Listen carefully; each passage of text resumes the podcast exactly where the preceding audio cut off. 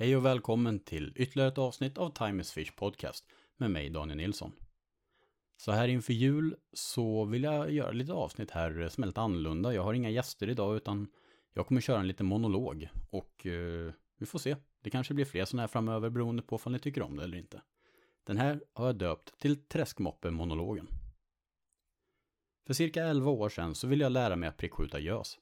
Optimalt för det här fisket är ju att ha en 14-16 fots lättmanövrerad båt, gärna aluminium, med ett stort ekolod. Jag, jag besatt en svinstor plastbåt, byggd för nätfiske i Östersjön med en specialgjord ratt på insidan av relingen och ett ekolod som mer liknade ett Gameboy. Det här var det absolut sämsta tänkbara man någonsin kunde använda till detta fiske. Men vet ni vad? Det var bara den här båten jag hade. Så vad gjorde jag? Jo, istället för att fokusera på det dåliga så gav jag mig ut och började lära mig hur man manövrerar båten, hur man läser ett ekolod. Och vet ni vad? Det var skitsvårt. När man väl började se ett antydan till eko på skärmen, då fick man snabbt lägga i backen, köra full gas och ändå så fortsatte båten typ 15 meter innan den stannade. Att sen backa och svänga, det var inte ens att tänka på, då båten hade ungefär samma svängradie som ett, eh, ja, vilket tåg som helst skulle jag säga. Men jag gnetade på i det där aset och jag rattade febrilt och energiskt tills fingrarna var fulla med stickor från den där hemska ratten. Det här resulterade slutligen i att jag blev så pass duktig på att manövrera den här båten så att när jag väl köpte en riktig båt, då var jag sjukt bra på att ratta den båten. För då blev det helt plötsligt superenkelt. Så all den här båtmanövreringen i det här aset till båt var inte förgäves. Det här formade min syn på att det alltid finns en perfekt båt för ett specifikt ändamål. Men den bästa båten man har, det är den man har tillgång till. Om man bara fokuserar på att det finns en bättre båt, då kommer man inte ta sig ut och fiska. Efter det här plastaset för ungefär 11 år sedan så har jag sakta ökat i båtstorlek varje år i stort sett. Eh, från en ganska simpel 16 fots aluminiumbåt som jag köpte efter aset. Eh, tills dess att jag nu är inne på min andra Nitro Z19 med 200 hästkrafter. Man kan ju säga att det har spårat ur någonstans på vägen. Det här är en helt fantastisk båt för mitt arbete och för mina tävlingar som jag deltar i och det är en dröm att fiska ifrån och ratta. Men oftast i mitt privata fiske så klarar jag mig med en ganska simpel båt. Man behöver inte uh, all den här farten och storleken som en, som en Nitro uh, erbjuder. Jag kände att jag ville ha ett komplement till den. Men jag ville ha verkligen raka motsatsen. Valet föll ganska enkelt för den minsta båten jag kunde hitta hos Mojo Boats. Som ändå inte var en takräckesbåt. Utan alltså att den ändå har eh, lite tjocklek på skrovet och så. Så att när jag väl går på grund i någon avlägsen älv så bör den inte ta in vatten eller gå sönder. Jag köpte en Tracker Grizzly 1448 med 25 hästkrafters motor. Den här båten har jag utrustat med eh, spöhållare, frontmonterad elmotor och snabbfästen så att jag kan flytta mina Garmin-enheter från storbåten enkelt över till träskmoppen. I övrigt så har jag liksom skippat allt lullull och så och eh, hållit mig till ganska simpelt. Jag har monterat en, en Powerpole Microspike, eh, en hållare för tänger och två stycken transportbehållare bara så spöna inte ska trassla och så när man eh, åker omkring. Annars är den väldigt öppen och oöm, precis som jag vill ha den. Tanken var från början att ha den här som ett komplement eh, och använda den när jag var tvungen. Men med tiden, det här året, så har den faktiskt blivit min primära båt för att eh, för i stort sett allt mitt privata fiske. Och i slutändan har jag faktiskt fiskat mycket mer i den här än i nitron i år. Och eh, när man ska hårdra det så har jag faktiskt aldrig fiskat eh, så här bra under ett år med en båt eh, och haft sånt här resultat med någon annan båt under alla år faktiskt. Eh, årets toppfiskare i den här lilla båten är eh, gädda på 10,16 kilo, abborre på eh, 1840 gram, vättenlax på 7,3 kilo och slutligen en monstergös på 10,8 kilo och fyra till över 9 kilo. Gösarna är då fångade med livescope. I övrigt väldigt simpelt eh, och inte med elektronik direkt. Såklart så har en massa andra fina fiskar synat insidan utav båten och ett gäng oförglömliga upplevelser har fått passera detta lilla vrålåk. En oförglömlig upplevelse uppe i Norrland. Bakom Instagrams vackra fasad av lycka och framgång döljer sig ofta ett jäkla slit, frustration, delvis depression och ibland en släng av galenskap. Den nästkommande anekdoten kommer att beröra det senare nämnda. Under större delen av sommaren så flackar jag omkring i Norrland med min takräckestält och min lillbåt. Många häftiga platser med flera fantastiska personer delar jag både stor fisk, fina cigarrer och härliga upplevelser med. Gästfriheten och öppenheten uppe i Norrland är något alldeles unikt och särskilt och något som jag verkligen har eh, blivit lite förvånad över och eh, väldigt positivt överraskad eh, under mitt senaste år här då. Helt fantastiskt hur trevliga folk är och hur öppensinnade de är när man kommer som fiskare någonstans. De är liksom, det är inte riktigt det här samma som, som man känner här nere i södra Sverige, att vem fan är du? Utan det är mer, vem är du? Med en trevlig ton. I slutet av min nomadresa så var tanken att fiska i en sjö som, som jag hade kollat upp redan innan jag började min resa. Den här sjön ligger belägen 1306 kilometer hemifrån Örebro. Närmare bestämt i ett område nära byn Killinge vid den mullrande Kaitumälven. Jag mötte upp Kurre som äger fiskekampen i Kaitum och fick en fin rundtur av områdena och hans trevliga fiskekamp. Det började närma sig eh, kväll och tanken är att få i båten, fiska tills tidig morgon och sen sova i tältet för att sedan fiska efterföljande natt. Jag skulle fiska abborre och gädda. Jag drar iväg till sjön där jag skulle försöka sjösätta. Väl framme så inser jag att det här går ju inte. Det går inte att komma in till sjön för det är för brant, det är för mycket stora stenar och trailern går helt enkelt inte över de här stenarna och det är för brant, det kommer inte gå. Efter lite scoutande så hittar jag en till väg som går hyfsat nära en liten, liten pöl. Så genom en liten å sitter ihop med sjön som jag faktiskt vill fiska i. Sagt och gjort. Jag åker dit, kikar och där går en liten stig ifrån vägen över en myr ner till pölen som efter lite utvärdering kanske går att köra med bil och släp ner här. Ingen minns en fegis tänkte jag och knappast eh, tänker jag ge upp utan att försöka. Jag har en Passat Alltrack och jag menar det är ju inte världens högsta bil men den har väldigt bra fyrhjulsdrift. Jag hade helt nya däck så det var relativt bra grepp i eh, och båten väger ju inte mycket på, på sju, den obromsade 700 trailern. Jag börjar backa ut på myren och det är cirka 100 meter ner till vattnet. Men det känns som att backa på en frilina eftersom den lilla, lilla stigen det är typ en fyrhjulingsväg eh, och det går, man har liksom inget eh, marginal på sidorna Eh, och det var väldigt mjukt på sidorna. Så att när jag kom ut med bilen lite grann, då började den direkt sjunka och jag fick liksom ta en ny tag. Det går oförskämt bra faktiskt. Ända tills jag kommer till ett mjukare parti. Och trailern snabbt börjar sjunka. Jag kör framåt en bit och inser att här kommer jag köra fast om jag inte hittar något att köra på. Efter lite letande i skogen så hittar jag till slut två stycken sådana här eh, man har liksom för att lägga upp på kärran för att få upp en fyrhjuling på en kärra. Två sådana hittade jag i skogen som är gjorda av aluminium. De är bara kanske en och en halv meter långa, så de täcker knappt det här mjuka hålet och det är verkligen ett mjukt hål. Så jag lägger dem, eh, placerar dem fint bakom kärran, backar försiktigt över båten, det går bra. Justerar dem lite grann som ska passa bilen och börjar backa. Men bilen är så pass tung så de böjs och jag börjar åka ner i det här hålet med bilen. Och Alltså, jag har två val. Antingen kör framåt eller och kör bakåt. Jag gasar på bakåt, hoppas på det bästa, kommer faktiskt över. Men bilens tyngd gör att de vrider sig, eh, kärran vrider sig lite grann när jag slirar och, och trailern vinklas lite som står nu pekar upp i skogen. Det här gör att jag kan inte backa bakåt, för då vrider sig trailern ännu mer upp i skogen. Och jag kan inte heller köra framåt för där har vi det här mjuka hålet så jag kan inte ta omtag eller justera bilen eller någonting egentligen. Så det här är precis ett ypperligt läge för uttrycket moment 22. Och jag är bara cirka 20 meter ifrån sjön med kärran. Men det går liksom inte. Det ska även tilläggas att det är extremt varmt, det här är i slutet på värmeböljan som var i somras. Och mängden med mygg gjorde att det knappt gick att andas utan att förtära x antal myggor.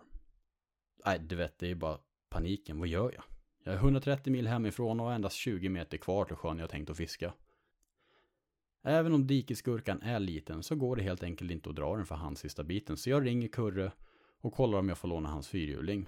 Och självklart, den norrländska gästfriheten, inga problem, kom och hämta den bara. Jag fylls snabbt med hopp igen Tills jag inser att jag måste över slukhålet med både bil och trailer för att ens kunna ta mig till Kurre och hämta hans fyrhjuling.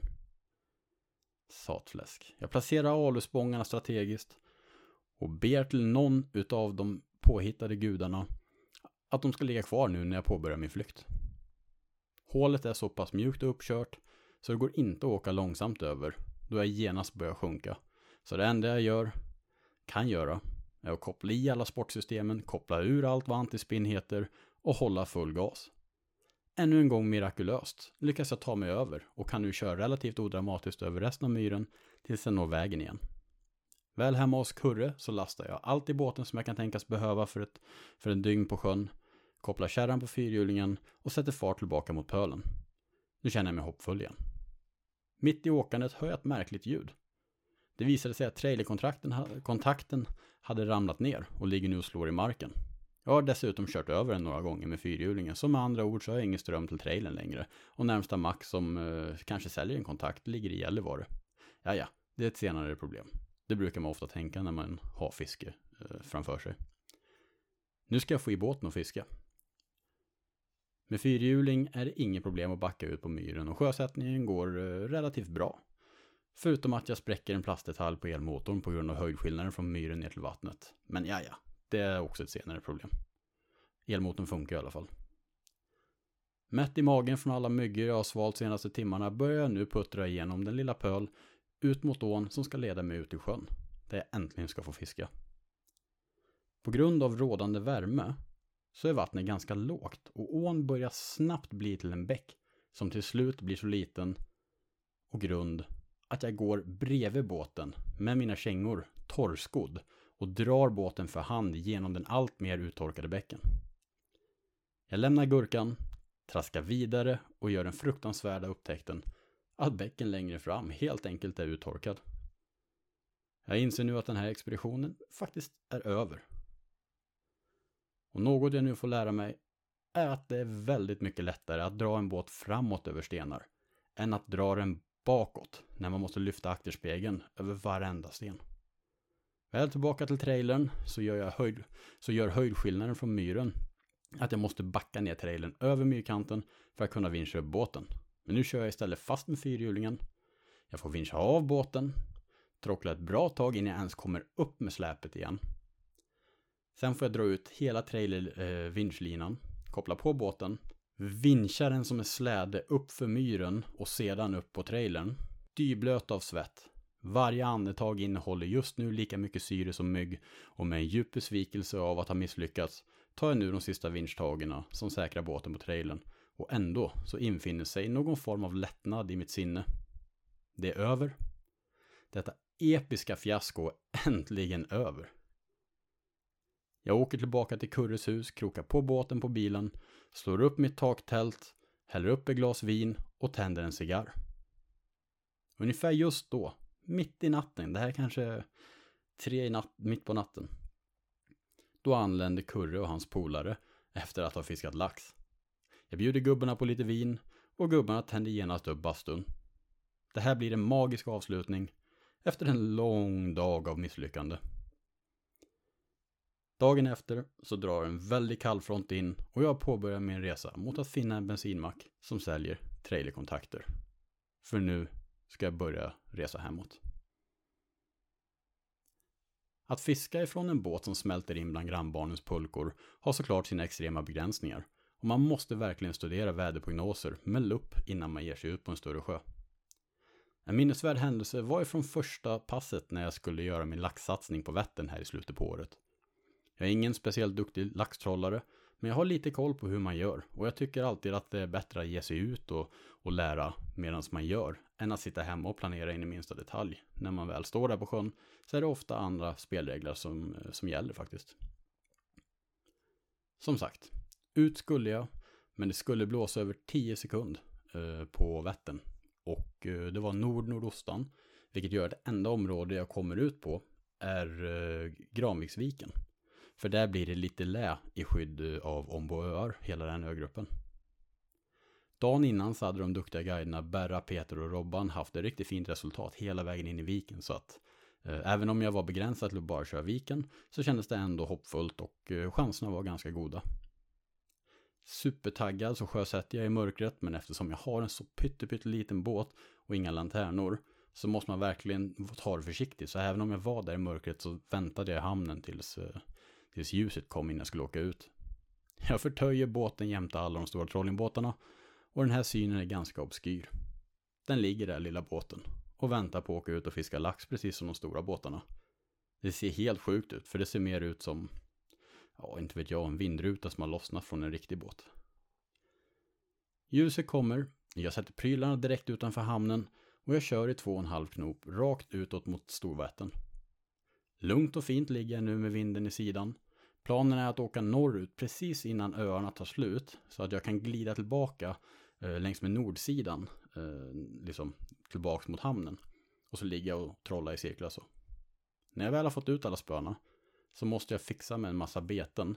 Då man bara har, eh, alltså man får bara ha en krok på Vättern. Så att jag hade en hel del abborrbeten som skulle riggas om till eh, enkroks eh, tackel då. Det här är perfekt tidsfördriv medan autopiloten på elmotorn håller kursen. Och jag har historiskt sett trollat ganska mycket men det här är det jag har trollat är vårgädda och det bedrivs i väldigt, väldigt låga hastigheter. Just nu kör jag i två och en halv knop rakt ut mot Storvättern i ett pingisbord medan jag är helt uppe i att rigga om beten. Jag glömmer liksom lite tid och rum.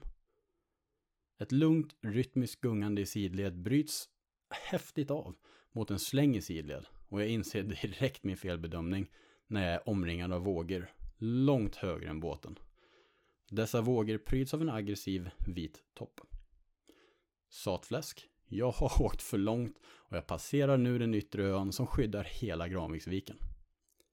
Sidsjön den hanteras okej, okay, men problemet kommer att bli nu när jag ska vända båten för att ta mig in i lä igen. Går jag runt och med sjön, då riskerar min lilla båt att dyka ner i en vågdal och ha efterföljande våg eh, komma över akten och det är otvivelaktigen katastrof som följd. Jag beslutar snabbt att vända mot vinden då det är lite lättare att parera och hålla koll på vad som händer och styra själv. För att få mer lyft i fören så gasar jag fullt med elmotorn och flyttar bak alla mina väskor i båten. Jag börjar gira upp mot vinden, men redan när jag får vågorna snett mot fören börjar båten få vågor över sig. Med tanke på att det är flera minusgrader så fryser vattnet direkt när det kommer in i båten. Och nu förvandlas mitt lilla pingisbord snabbt till en pytteliten ishockeyrink. Jag förflyttar mig så långt bak i båten jag kan för att få ännu lättare för och just nu sitter jag som en ekorre på den minimala akterspegeln och håller i mig bensinmotorn samtidigt som jag noggrant och fint styr båten med fjärrkontrollen. Även om situationen just nu är väldigt allvarlig så minns jag hur jag skrattade för mig själv med tanke på hur i helsike dum jag måste ha sett ut där ute. Oavsett hur dum jag nu ser ut så gör min nya positionering i båten att jag får det där lilla extra lyftet som jag behövde för att kunna sakta vända runt och ta mig tillbaka in bakom ön igen. Vättern är aggressiv, det vet jag, men den här gången handlade det om en felbedömning av farten. Och ja, jag var helt enkelt ett klantarsel. Vad är meningen med den här monologen då? Jo, det är väl dels att ge lite eftertänksamhet behind the scenes. Att allt är inte som på Instagram och sociala medier, att det bara är guld och gröna skogar. Det är även en del eh, bajstårta där bakom.